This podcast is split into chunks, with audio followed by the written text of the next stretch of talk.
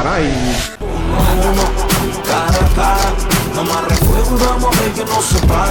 Ola, saúdos. Este vindeiro 23 de xullo arranca a 27ª edición do Festival Internacional de Jazz e Blues de Pontevedra, así que para este cara a cara eh, de, temos a compañía unha ocasión máis eh, de Alberto Lastres, membro da organización deste evento. Benvido, o primeiro. Moitas grazas. E grazas a, a ti unha vez máis. Decía, eh, 27ª edición, Cando comezou este festival aquí en Pontevedra, mm, non vou a decir que, que fose o único en Galicia, non son capaz de, de lembrar, pero casi, casi. A día de hoxe eh, na xeografía galega xa hai eh, múltiples eh, festivais adicados a estes estilos. Eh, isto é porque mm, o público demanda estos eh, xéneros ou porque han ido xurdindo a raíz do, do progresivo éxito do Festival de Pontevedra? Bueno, eh, nos queremos pensar que, que é a demanda do, do público. De feito, cando empezamos con esta tolemia, porque naquel entón pois poderíase pensar que o era, eh, pois eh, pensábamos que efectivamente había unha, un, un público eh, que, que estaba privado de, deste tipo de espectáculos ao aire libre en directo. Eh, especialmente pois eso, eh, xente apaixoada do, do jazz, de, de blues, desas, desas músicas que están un pouco eh, todas nese, nese ido e vese que tiñamos algo de razón, porque se efectivamente, como moi ben dís, posteriormente pois eh, houbo e hai outros outros festivais eh, en Galiza e non, non só en Galiza, en outros en outros puntos da xeografía nacional que, que de algún xeito pois confirman que efectivamente hai este público e, e que non só o hai, sino que cada vez é máis numeroso. Uh -huh. Eh, para esta edición do 23 ou 28, eh, novidades ou continuidade nese esquema do, do festival?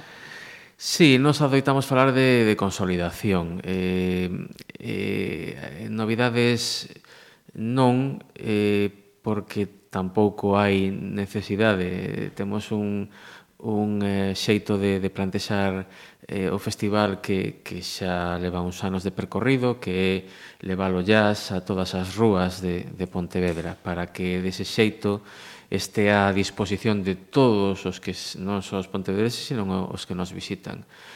Para iso, pois, temos o, o Jazz na Rúa, uh -huh. eh, que é unha actividade que sempre nestes últimos anos estivo está, está eh, ofertada na, no, no programa.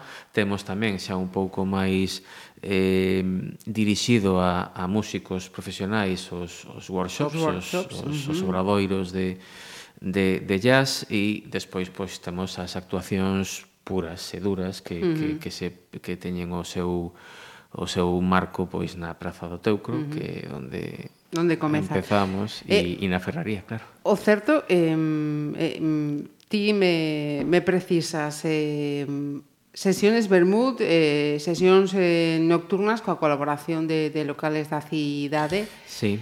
Eh, isto tamén eh, dá a entender a, a implicación no? da, destes eh, sectores nun festival como, como este.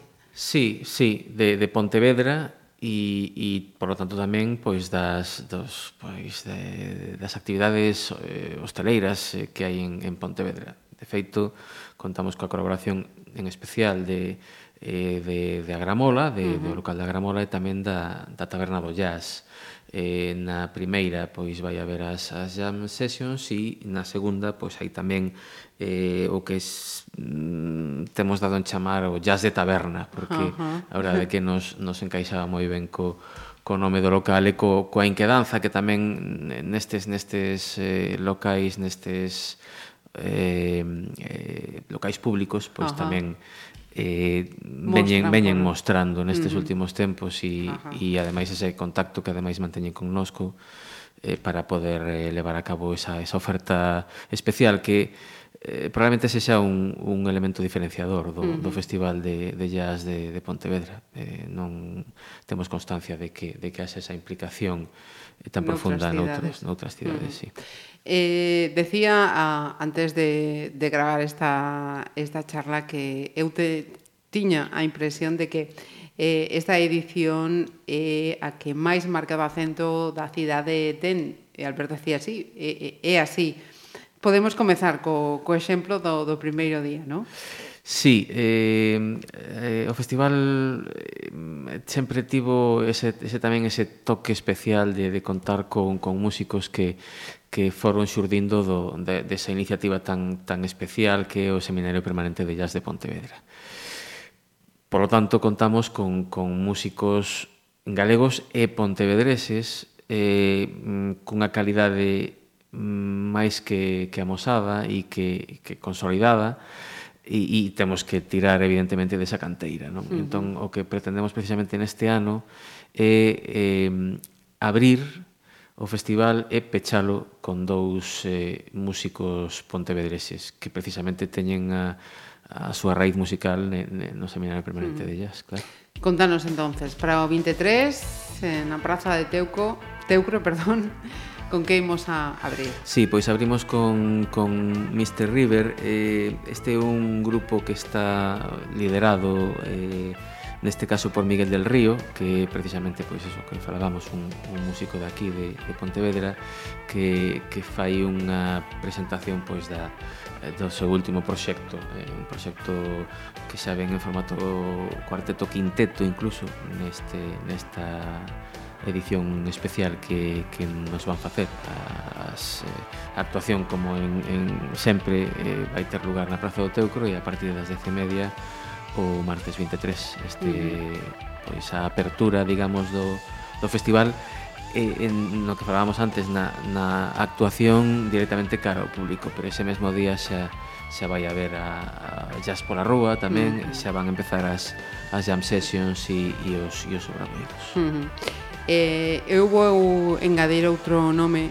Pontevedrés en esta actuación de Mr. River que é o de Adrián eh, Soya, que a máis va ser esta semana o noso convidado na playlist. Así que outro engadido máis da, da cidade. Música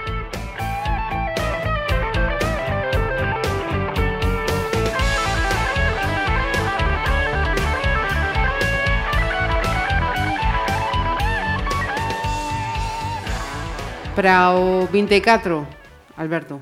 Sí, eh, o 24 que é o segundo e último concerto que, que se vai desenvolver na, na Praza do Teucro temos a Álvaro del Valle e, é un é un cuarteto liderado por, precisamente por, por Álvaro eh, que é pois eh, un guitarrista eh, eh, fai un jazz moderno el, el galego é, eh, é madrileño pero ten eh, tamén contactos con, con músicos de, de aquí, de aquí. De, esta mm. zona e, e precisamente pois vai contar con eles tamén para facer este, esta actuación eh, no día 24 na, na Praza do Teucro. E, bueno eh, é un consolidado eh, guitarrista que xa ten eh, actuado pois en festivais eh, moi prestixiosos de, de, de toda España e incluso tamén de, de fora e creemos que vai ser pois eh, un, unha actuación das que van ser realmente salientadas. Mm. Imos escoitando nesta charla, eh, imos en, engadindo, aderezando co, coas músicas eh, que van a soar neste festival para que os que estades a escoitar teñades unha, unha idea do que a organización preparou para, para esta edición. Ímonos ata a Ferrería, comezamos o 25 con a ver si é así, Joy de Francesco Trio. Sí, Joey. Joey. Joey de Francesco, sí. Eh, bueno, eh, de Francesco é un eh, é un virtuoso, un músico virtuoso xa eh, tocaba eh, o piano pois con 4 anos de, de idade eh, Con 4 anos? Sí, sí, sí eh, a un nivel espectacular eh, é ademais eh, vocalista, eh, trompetista e eh, ten, digamos que a súa especialidade eh, no órgano Hammond. Uh -huh. eh, o órgano Hammond, para aqueles que non o saiban, é eh, o clásico órgano de iglesia que ten tanta vinculación co, pois, cos coros gospel uh -huh. eh, que, que todo o mundo pois, eh, en algunha ocasión ten escoitado esa, esa maravilla desas voces eh, negras profundas uh -huh. co, co, co órgano Hammond, o órgano electrónico. De feito, eh, está eh, Joey de Francesco está xa no, no, no Salón da Fama do órgano do órgano Hammond. Uh -huh. E é un músico pois máis que consagrado, ten sido nominado en catro ocasións, nin máis nin menos para os premios Grammy. Eh, é un dos eh, mm, grandes eh, músicos que, que precisamente están encabezando todas as listas de, de jazz eh, pois en revistas do máis prestixioso especialmente Downbeat que quizáis a que a revista que ten así a nivel internacional pois un, unhas listaxes de, de, de, de músicos de referencia uh -huh. e pois o de Francesco está habitualmente no, nos primeiros nos primeiros lugares. Eh, ten colaborado con, con xente como eh, Ray Charles, Diana Kroll, eh, George Benson, Grover Washington Jr., é dicir, ten unha, unha carreira eh, amplísima. Eh, a verdade é que vai ser un luxo ter, ter a, a Joey de Francesco en Pontevedra. Mm.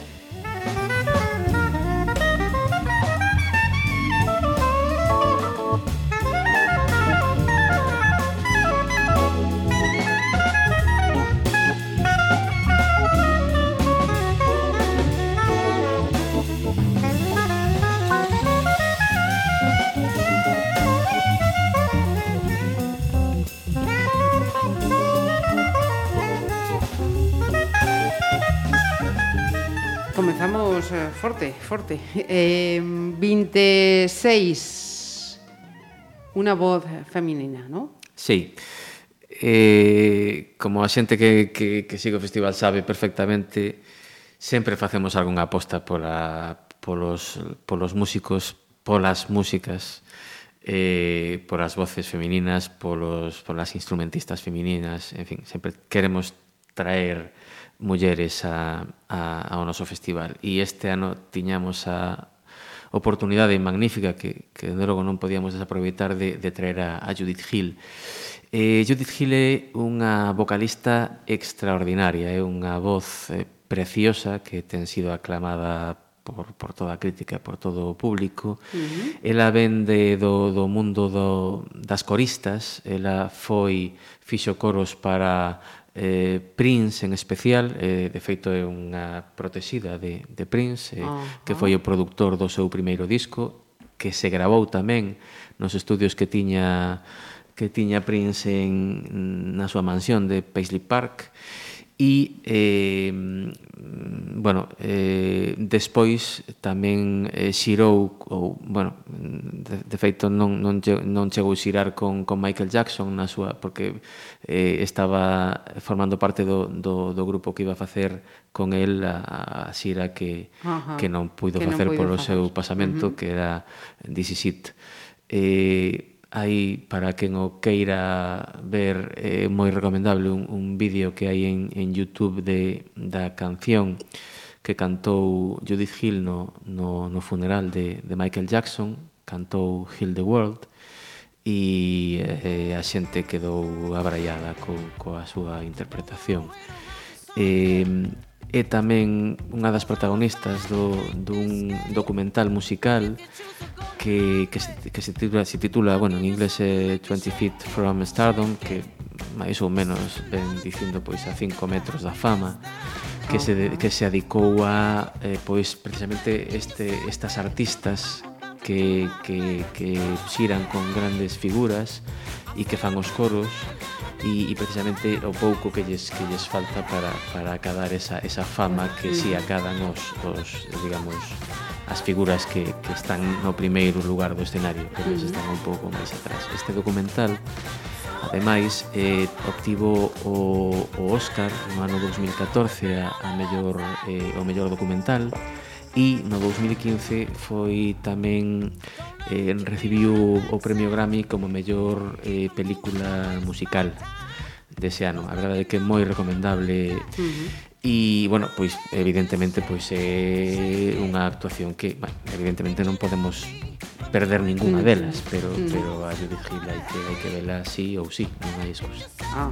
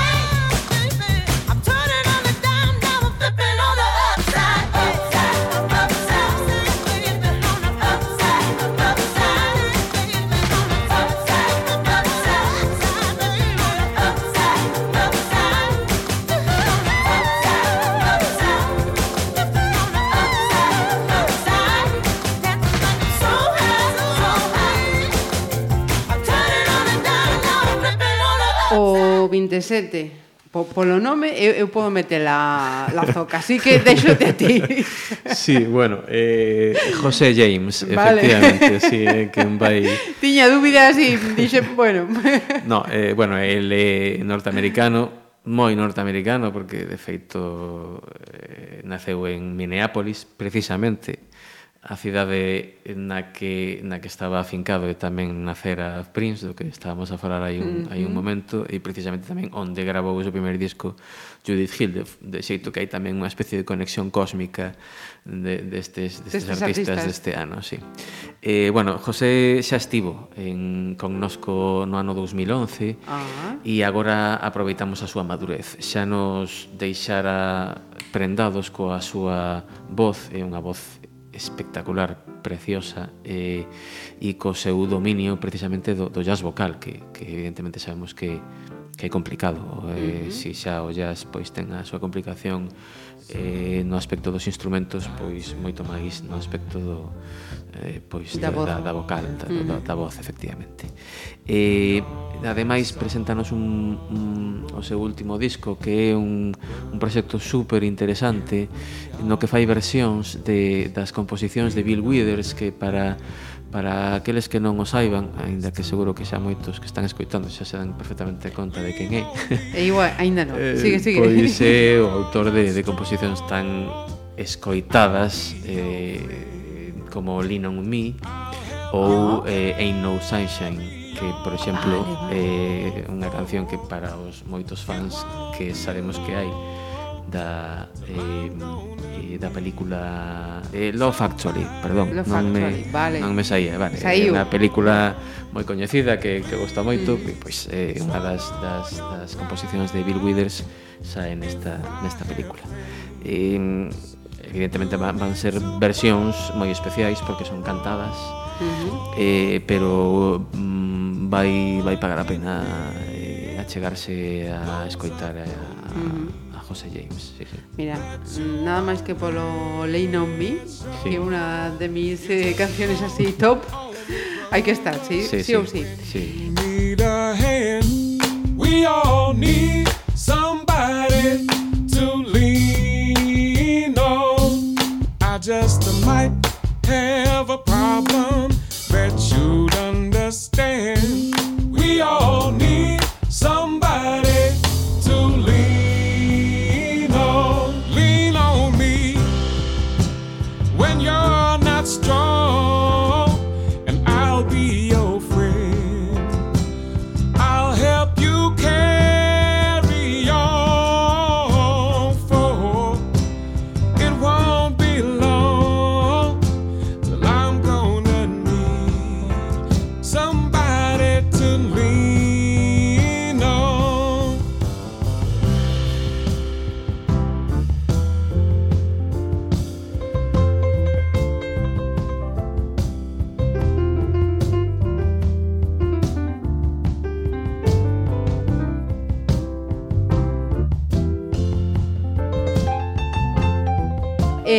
Mira, eh, para pechar, decías, eh, comezar e pechar. Así que imos pechar cun, cun nome Pontevedrés.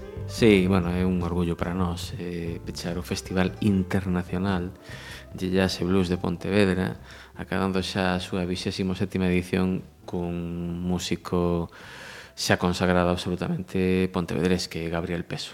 Uh -huh. eh, Gabriel Peso xa estivera, lóxicamente, no noso festival, eh, na Praza do Teucro e eh, pois eh, pensamos que non hai mellor xeito de, de pechar que, que traelo para, para, eh, para a Praza da Ferrería e pois nada, o día 28 poñer o, o peche de ouro xa a noso festival pois con, con Gabriel Peso, mm. pianista, pontevedrés, eh, virtuoso mm. e que pois eh, ten unha mestura moi interesante de, de, de jazz eh, e outros eh, xéneros eh, musicais eh, pois eh, dende blues ata rock progresivo e incluso fai adapta ao jazz eh, músicas tan nosas como, como a muiñeira. Uh -huh. E, por lo tanto, pois vai ser eh, un peche extraordinario o festival e animamos a,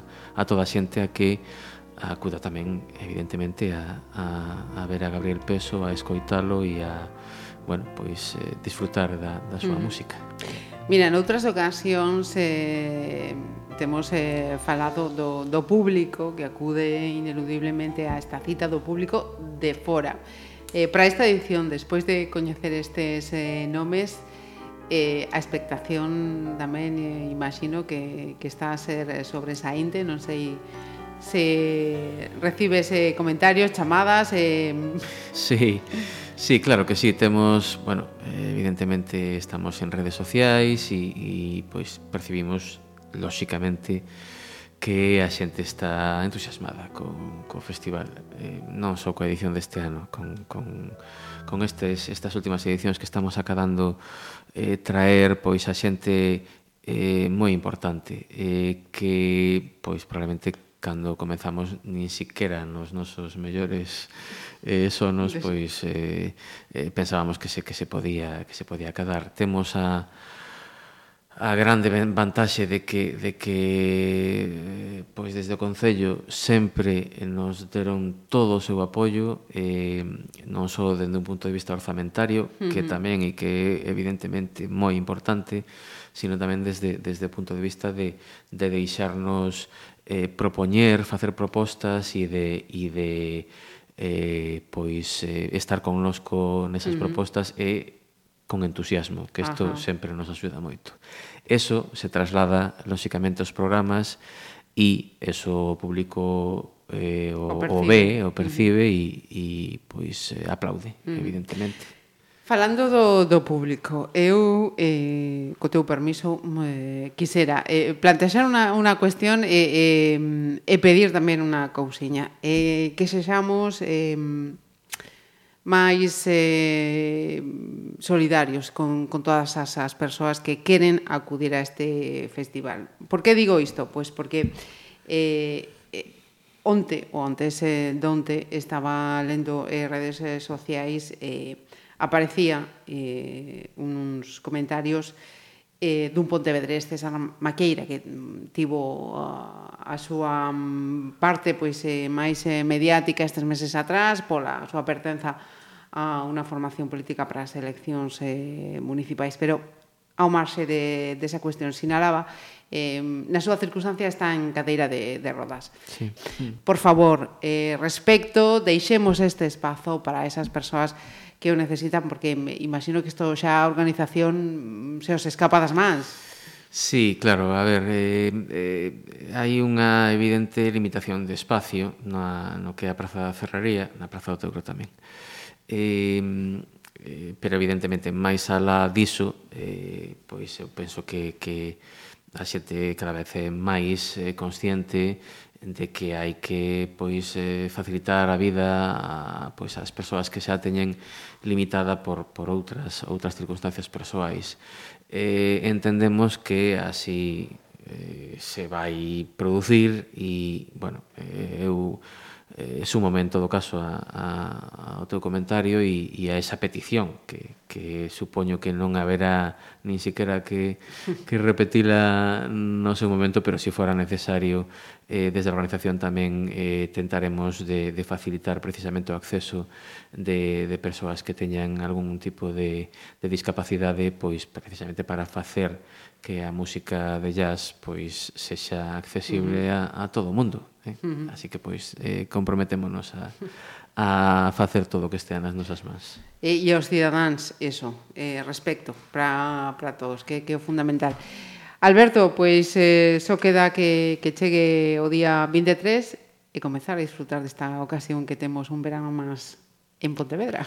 Sí, eh, o resumo é ese. Mm, eh, disfrutemos de, de todo isto que estamos que estamos podendo ter non, non podemos olvidar que son que todos os concertos son de balde, uh -huh. eh, os artistas que traemos aquí eh, en outros festivais do Eido Nacional eh, a xente paga eh, bastantes cartos para velos uh -huh. e aquí eh, non hai que pagar absolutamente nada.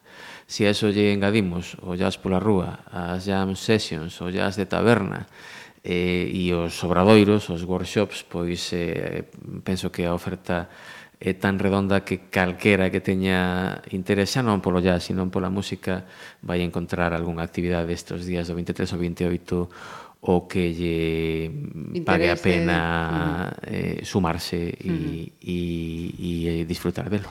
Ata o bo tempo, din que va a acompañar, así que... sí, agardemos que sí, a verdade é que mm, eh, houbo dous concertos ou tres nada máis nestes últimos anos que houbo que que cancelaros pola, polas condicións climatolóxicas, así que hasta nese, nese punto temos, temos sorte. Alberto, graciñas, un ano máis. A vos.